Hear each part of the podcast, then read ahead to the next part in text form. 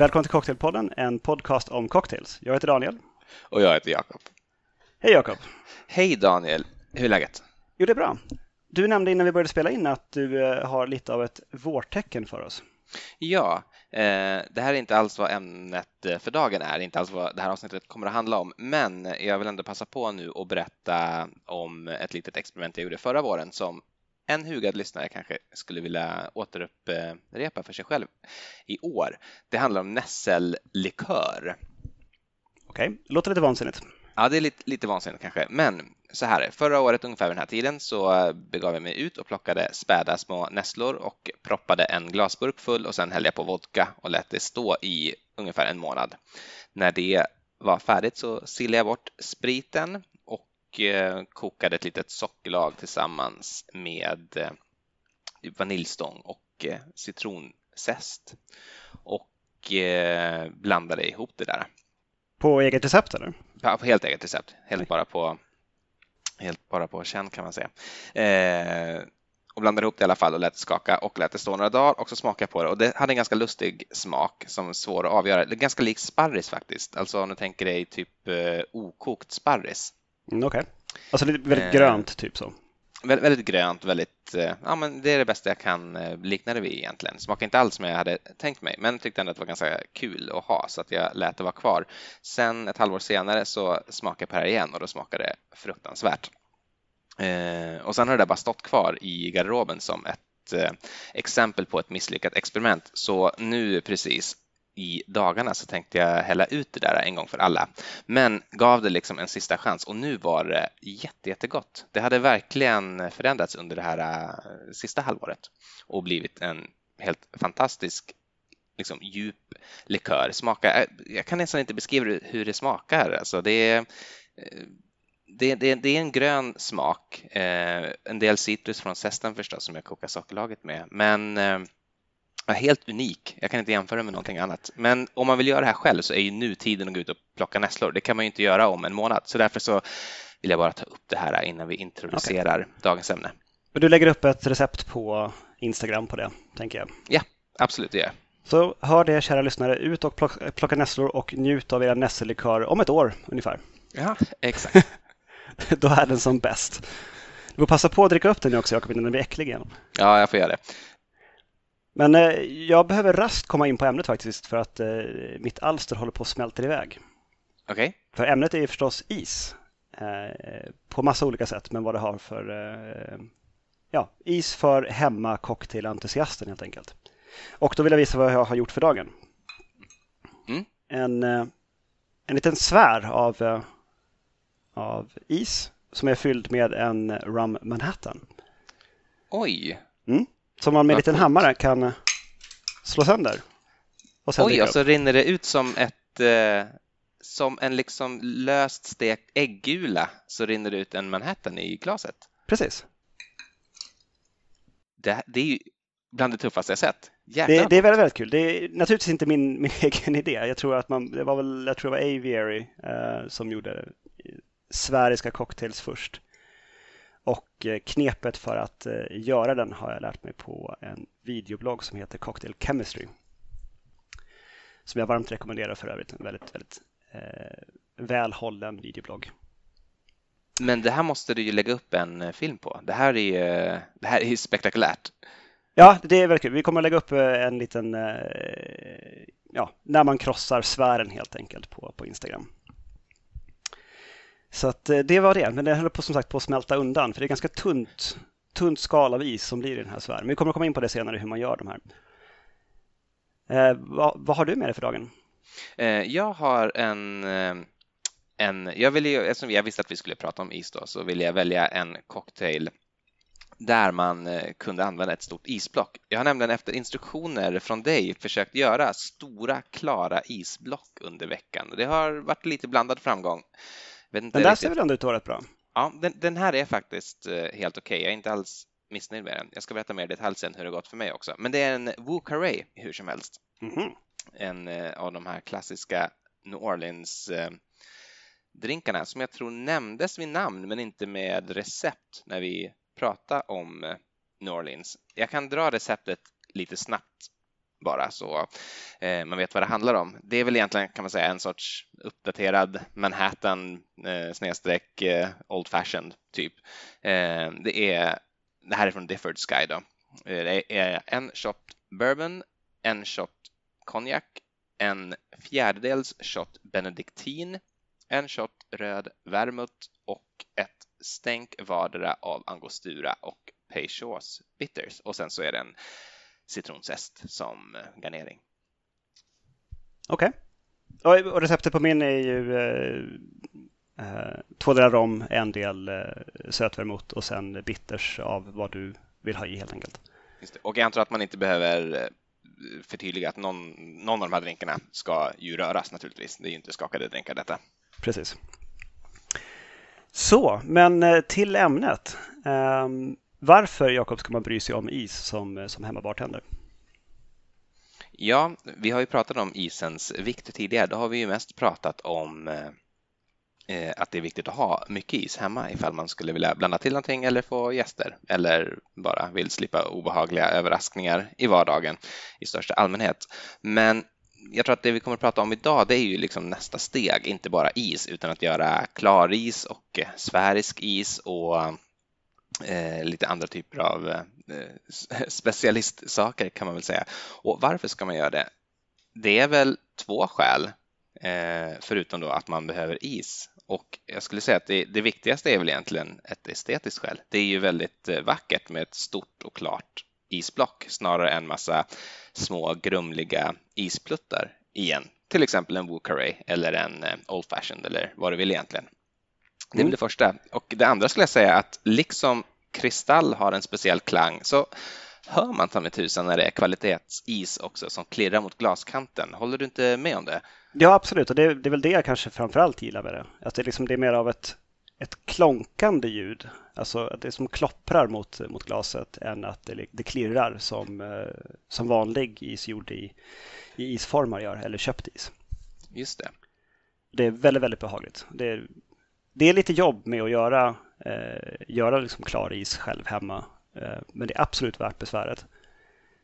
Men ska jag börja med kanske att berätta vad jag har gjort då? Eh, efter ditt recept kan man väl säga. Ja, vi, kan, vi kanske kunde börja med teorin. Liksom. Yeah, okay. Den kommer från eh, en, en blogg eh, som heter Alcademics. En, ja, en akademisk kar som håller på med cocktails och gav sig fan på att göra klar is. Och han testade alla teorier en efter en liksom, för hur man gör. Och destillerat vatten, det funkar inte. Det vart grumligt ändå. Koka vattnet och frysa in det, det blir mindre grumligt men fortfarande lite, lite grumligt i botten. Och vad är det som är grumlet då? Varför ja, det har han inte riktigt rätt ut, men det är, det är impurities kallar han det och eh, det är väl liksom syre möjligtvis eller andra gaser. Det finns ju mm. ingen riktig forskning på det här. Det är ju ingen, som, ingen, ingen seriös forskare som faktiskt har satt sig ner och, och forskar i varför is blir grumlig på det viset. Det är bara en academic. Precis. Um, så uh, han testade sig igenom alltihopa och kom liksom till slut fram till att om man fryser isen så som ytan på en sjö fryser, det vill säga ovanifrån och nedåt, mm. så samlas eh, om, en, om sjön bottenfryser, då samlas orenheterna i botten helt enkelt. Och samma sak i en behållare med vatten i frysen. Men om man då fryser nästan ända ner i botten och avbryter frysningen där, då har man fått klar is hela vägen uppifrån och ner till det som är vatten fortfarande i botten. Då.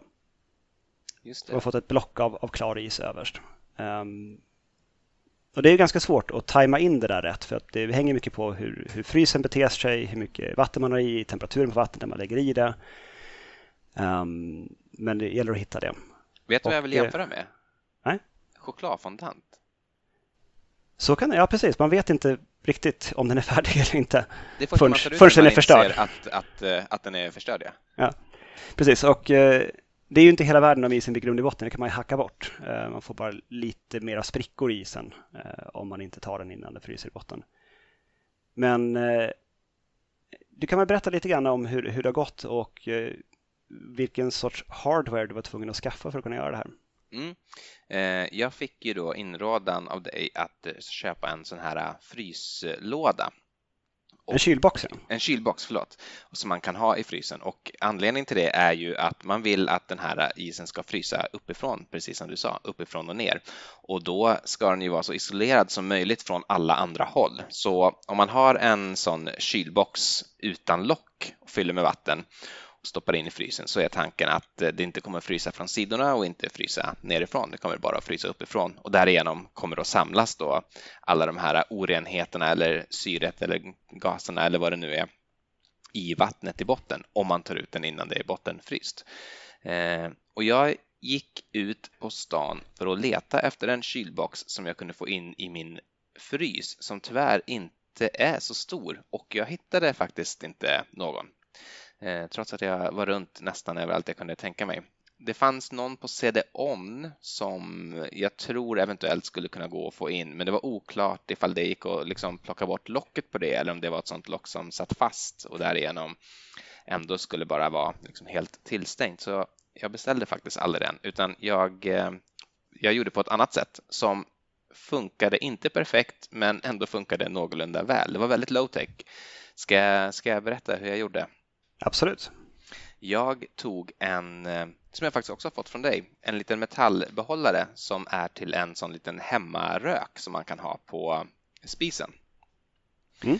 Eh, så den tog jag och diskade ur då naturligtvis väldigt väl och eh, fyllde med vatten nästan hela vägen upp och därefter så lindade jag runt den, den här liksom metallbehållaren som är ungefär ja, men som ett block, ett rektangulärt block kanske 20 centimeter på sin längsta sida. Eh, det fyllde jag med vatten och sen så lindade jag massor med halsdukar och ylletröjor okay. runt den där. Ja, du sa ju att det var low-tech. Jag sa att det var low-tech, ja. Och eh, liksom i botten av frysen så ställde jag en handduk och i handduken, liksom, den var dubbelvikt runt en skärbräda för att ge också någon sorts stadga till den så det skulle stå rakt. Eh, en helt vanlig handduk bara med en skärbräda i. Eh, vattnet hade jag förresten låtit koka innan och låtit svalna ner till rumstemperatur. Och ja, det, så här, jag tycker att slutresultatet varit riktigt bra. Du har ju sett själv eh, i webbkameran här hur isen ser ut. Eh, så det var snyggt. Det som var eh, misslyckat var att den höll från sidorna höll den tror jag ganska bra faktiskt. Det där funkade med, med halsdukarna. Det finns mm. en anledning till att vi tar på oss dem om vintern. Däremot så var en skärbräda inlindad i handdukar inte riktigt eh, så bra som jag tror att en kylbox hade varit. Så det började liksom frysa. Det var, fanns, det var en tunn hinna underifrån också. Eh, och det här gjorde att jag var tvungen att ta ut isen egentligen lite för tidigt så att den vart inte riktigt så liksom tjock i toppen som jag hade hoppats på. Då. Men hade jag låtit den vara inne längre då hade den liksom frusit för mycket underifrån också och därigenom så hade jag inte kunnat knacka loss vattnet på något bra sätt. Eh, så det var lite av en kompromiss. Eh, märkte också att trots att jag hade låtit vattnet svalna till rumstemperatur så var det en total liksom, frostchock i min frys eh, av det. Jag vet inte om du har upplevt samma sak? Mm, men det blir som väldigt, väldigt snölik, liksom så här rimfrostliknande is som, som hänger som små eh, som skägglavar ungefär i frysen. Jag har en ganska stor frys eh, ute i ja, garaget. Eh, så det märks inte så jättemycket men jag kan tänka mig i en, eh, en mindre fryslåda att det kan bli lite, lite besvärligt. Det var lite besvärligt så jag fick frosta av den sen. Det var i och för sig ingen stor sak. Eh, det var lätt gjort. Men... Det behöver man inte gärna göra mellan varje gång man gör sin klaris heller. Man vill ju ha ett sätt som gör att, att man får sin klaris utan att behöva varje gång frosta av frysen. Exakt, så om jag gör det här igen så kommer jag nog, om det är svalt om nätterna, bara liksom koka vatten på kvällen och sen ställa ut vattnet så att det under natten får en temperatur på kanske 4-5 grader eller vad det kan vara ute och sen ställa in den i frysen efter det. Mm. Jag, jag har provat också utan att koka vattnet, eh, men det jag tycker att det blir då är att det blir lite eh, ojämnheter även i den klara isen ovanpå. Det blir några, några fler bubblor och liknande som fryses in i det som blir liksom okay. isblocket. Så jag tror att det är en bra idé att fortsätta göra det och det kan, märker man ju också själv om man någon gång har eh, tagit vattnet från vattenkokaren och fyllt på sin eh, isform så blir den isen klarare öv, ovantill. Men det är fortfarande orenhet i botten. Just det, precis. Så jag, jag, tror också att det, det gör någonting, det gör det faktiskt.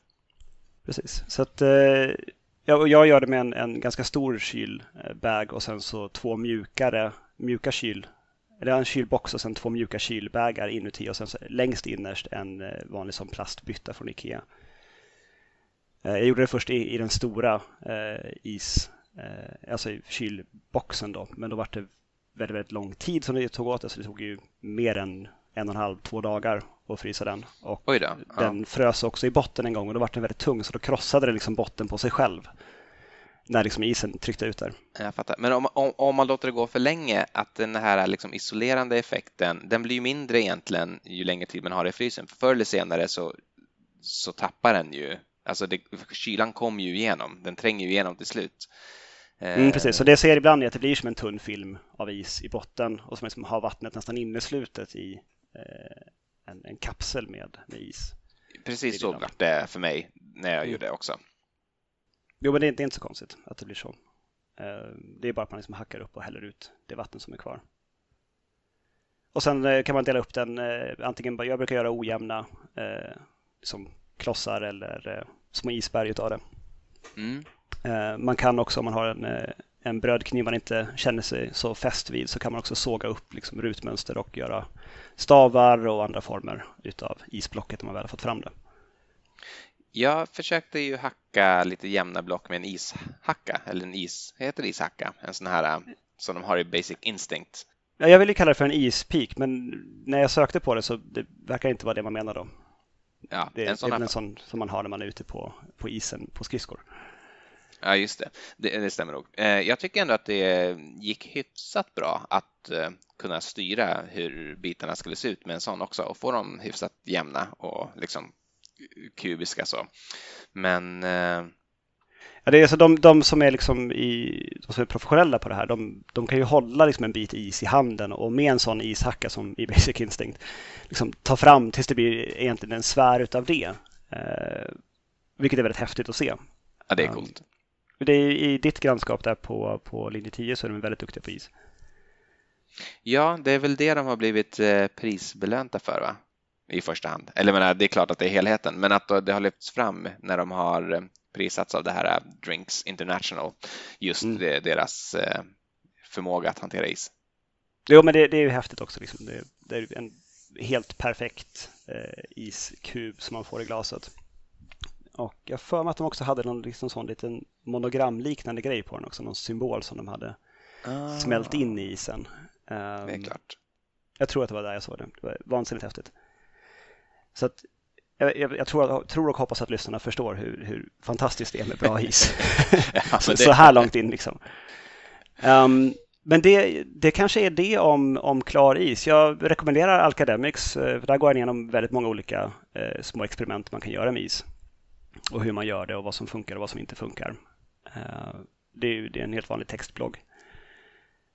Ehm, men det som jag gjorde nu till, till idag med en, en fylld sfär av, eh, av is ehm, kan jag kanske berätta lite grann hur, hur en sån går till. Ja, gör det. Ehm, Då får man ta en, en, en stor isbollsform, helst en sån som är plast på ena halvan och silikon på den andra halvan. Det blir mycket lättare sen när man ska ta ut den. Eh, Det finns företag som heter, företag som heter Tovolo som gör en sån form. Man kan köpa på tyska Amazon. Um, och så följer man upp den med eh, gärna kokt och avsvalnat vatten för säkerhets skull, annars kan det bli lite grumligt i kanterna på issfären. Uh, Och sen så ställer man den i frysen i en, mellan 75 och upp till 85 minuter ungefär. Och så vänder man upp och ner på den och låter den stå lika länge till. Och så får man förstås laborera lite grann beroende på hur eh, kraftfull ens frys är och hur mycket annat man har där inne. Att väggarna på sfären blir ju olika tjocka och du får i olika mycket cocktail i den beroende på det. Det blir olika svårt att slå upp den med en hammare sen eller någonting liknande. Sen eh, eh, tar du ut den efter den tiden, eh, värmer upp ett hål eh, på toppen på den. Eh, och med, eh, jag hittade en, en lödpenna på loppis som var oanvänd, så den använde jag till det. Mm. Vansinnigt praktiskt, men man kan också värma någonting på spisen och eh, peta upp ett, ett hål med det. Och sen så Typ en eh, suger man potatissticka eller hur, eh, hur tjock? Nå, någonting, hur, vill- hur- lite, någonting lite större än så. Okej, Du vill ju kunna få ner alltså, ungefär ett sugrörs tjocklek ja, ja, okej. i, ja, i en öppning där. Så suger du ut vattnet med en, en marinadspruta eller bara med sugrör om det är om är du själv som ska ha den så kan du bara suga ut vattnet med ett sugrör. Det är väldigt svårt att skaka ur vattnet ur, ur sfären för det finns ingen öppning någon annanstans. Just det. Så, och sen när den är tom då kan du ställa den i en plast ja, matlåda eller liknande i frysen. Och då liksom smälter lite grann av den fukten som är på utsidan av den ner så blir det som en liten, liten bottenplatta som gör att den också är lättare sen att placera i ett cocktailglas eller i ett Old Fashion-glas då senare. Mm. Så kan den vänta i frysen eh, tills någon gång när du är redo att göra en cocktail. Så skakar eller rör du cocktailen och eh, häller sen på den med en väldigt liten eh, tratt eller använder marinadsprutan igen och eh, injicerar cocktailen i sfären. Då. Och ett litet tips där är när man ska sätta ner sfären i glaset så är det bra att vända glaset upp och ner och sen så lyfta upp sfären i glaset och sen vända upp och ner. För att släpper Annars du ner den så, den, ja, precis. Släpper du den så går den liksom ganska lätt sönder.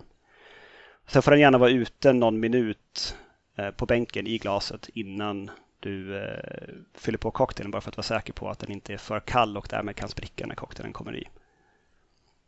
Just det, men man kyler väl cocktailen gissar jag innan man häller i den ändå, eller? Ja, den skakas eller rörs ju på is, så ja, den är ju också kall. Och sen behöver man någonting för att eh, den som ska dricka den här cocktailen ska kunna öppna issfären. Um, och då hittade jag en, eh, en väldigt, väldigt liten hammare. Eh, säljs av klock, klockbutiker och som, sån där, som ett klockinstrument. Alltså den heter en klockhammare. Som har en liten plastgnutta i ena änden och en metallbit i andra änden. Eh, Vad är den till för? Den är till för någon, någonting med klockor, för den säljs av eh, klock... ja, men, ja, men man slår förstås på, på, alltså på, på sådana här bjällror, alltså den typen av klockor. Nej, det, alltså, jag misstänker att det är någonting med typ när man reparerar armbandsur eller något sånt där. Jag, okay. Fick jag det till i alla fall på hemsidan där jag köpte den. Men... Ja, säkert. Den är lämplig storlek i alla fall, men har man någonting annat sånt tillhygge som man kan få ner och nå sfären i glaset utan att för den skulle krossa glaset så är den varmt att rekommendera.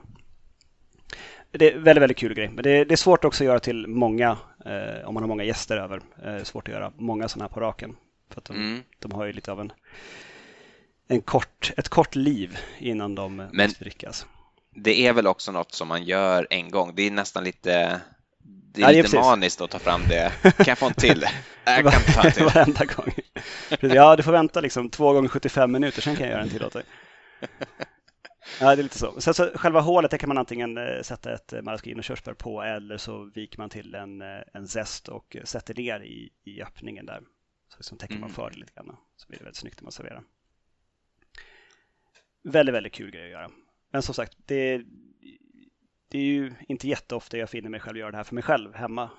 liksom, om jag bara vill ha en cocktail så, så gör jag inte en svär förstås. Men eh, som ett experiment så kan det vara lite kul. Ja, men det måste man ju bjuda någon på någon gång innan man Precis. dör tycker jag. Det var ju ändå, det såg ju eh, otroligt coolt ut. Mm. Och sen så eh, kan man också fylla, en, när man har sådana här sfärer så kan man fylla dem också med rök.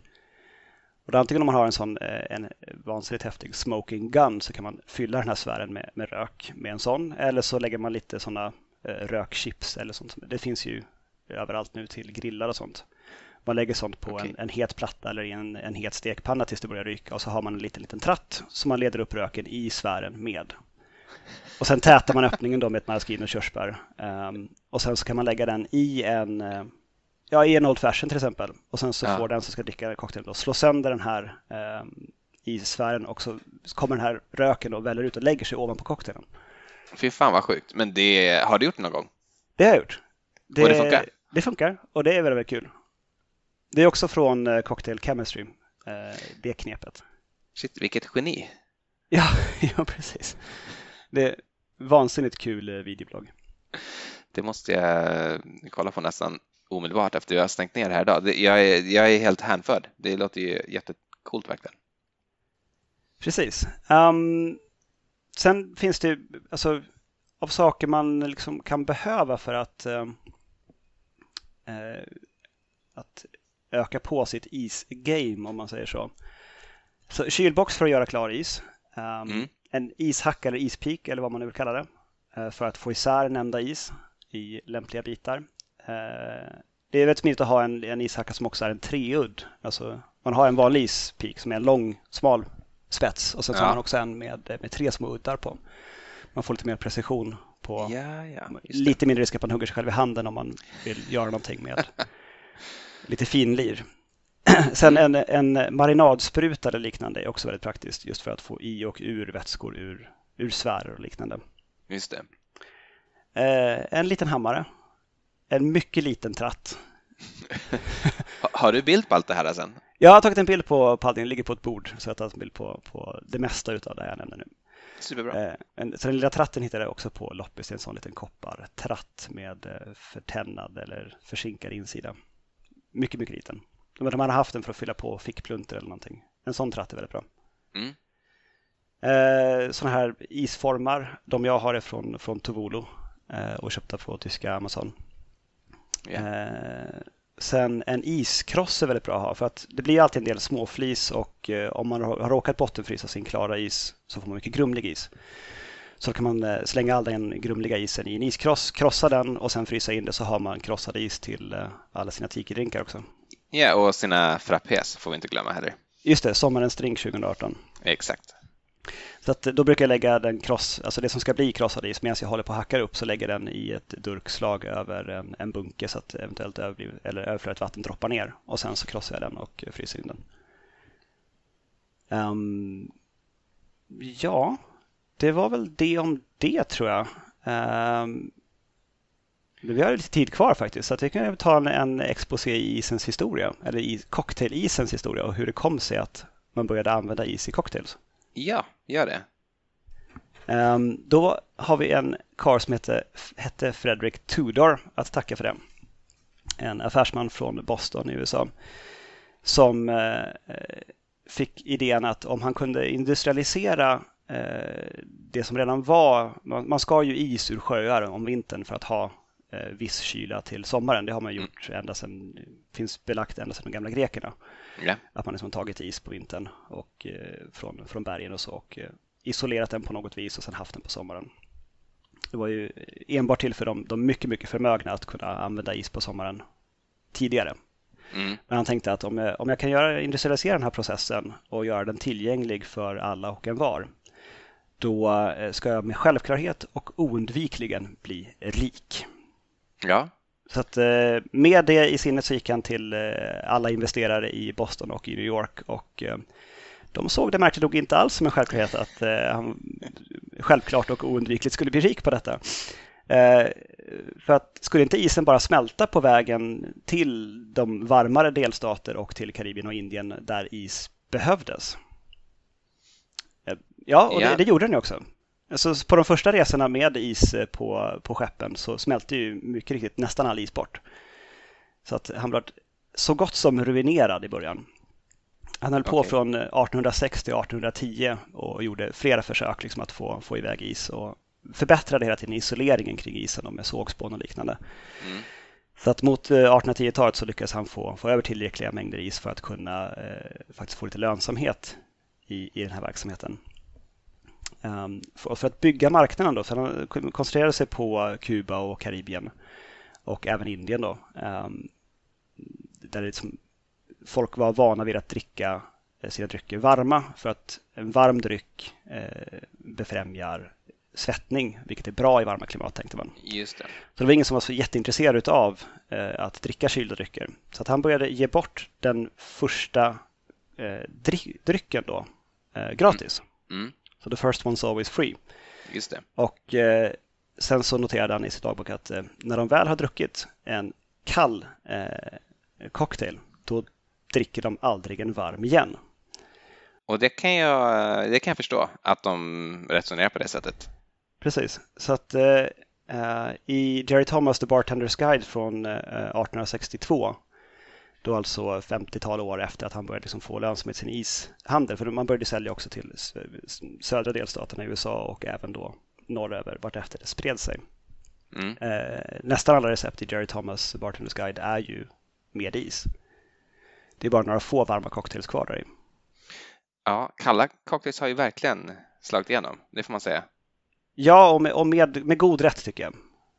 Det finns, det finns några tillfällen då en, en varm cocktail är att föredra, men en, en ljummen eller rumstempererad cocktail, vilket ofta var fallet innan, nej tack. Verkligen. Ska jag bara dra jättelite snabbt förresten hur is kyler? För det är ju inte riktigt som jag har trott. Jag, jag, jag läste på inför det här avsnittet nämligen hur det funkar. Eh, var, varför det blir kallt av is. Ja, berätta gärna. Eh, jag, kan börja så här. För eh, typ 10-15 år sedan så såldes det på Designtorget eh, stenar, små kubiska stenar som man skulle ha i frysen och använda istället för is till sin whisky. Eh, såg du någonsin dem?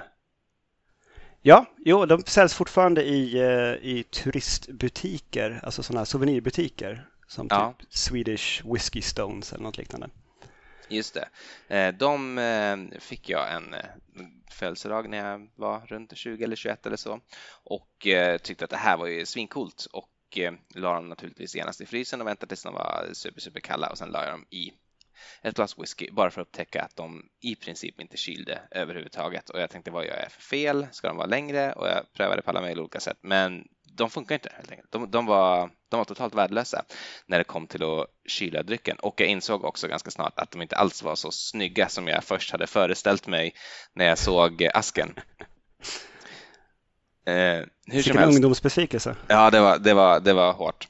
Och nu vet jag varför. Det är nämligen så att is kyler naturligtvis lite, lite grann för att det är kallt, men det är inte det som är själva huvudorsaken, utan Is kyler genom att det smälter på något vis. Det är någon sorts kemisk process som inträffar för att is ska, eller vatten ska övergå från fast tillstånd till flytande tillstånd så krävs det massa, massa energi och den energin hämtar det från den kringliggande drycken och då kyls den. Eh, så när du skakar en cocktail så blir den ju inte noll grader. Det blir liksom inget sånt equilibrium eh, mellan liksom, smältvatten då, som man skulle tänka sig, utan den blir ju typ minus fem grader kan den bli, eller till och med minus åtta grader. Eh, den blir alltså mycket kallare än vad smältvatten är. Och det är ju därför att eh, alkoholen gör ju att eh, drycken har en lägre fryspunkt. För den kyler ner drycken ända till fryspunkten så att säga. Eh, och det gör den även om isen är varm. Även om isen är varmare än 5 minusgrader till exempel jag menar, om du har haft is ute eller har en eh, liksom ganska dålig ismaskin så brukar isen vara kanske runt eh, minus tre grader till nollgradigt. Men även alltså varm is så att, eh, kyler ner till liksom minus fem till minus åtta grader. Kvack. Så eh, det är inte liksom Det är ju helt vansinnigt. Det tycker jag är ganska, visst är det vansinnigt, men det är ganska ja. coolt. Och det är, det är ju ganska naturligt insåg jag också, för det är därför man svettas. Man svettas ju inte för att svetten är kall och så kyls man av den, utan det är ju när svetten dunstar och övergår då från flytande form till gasform det är det som kyler, det är det som gör att man blir kall när man svettas. Och det är exakt samma sak eh, egentligen, samma liksom, termodynamiska process eh, som eh, sker när is kyler din cocktail. Mm.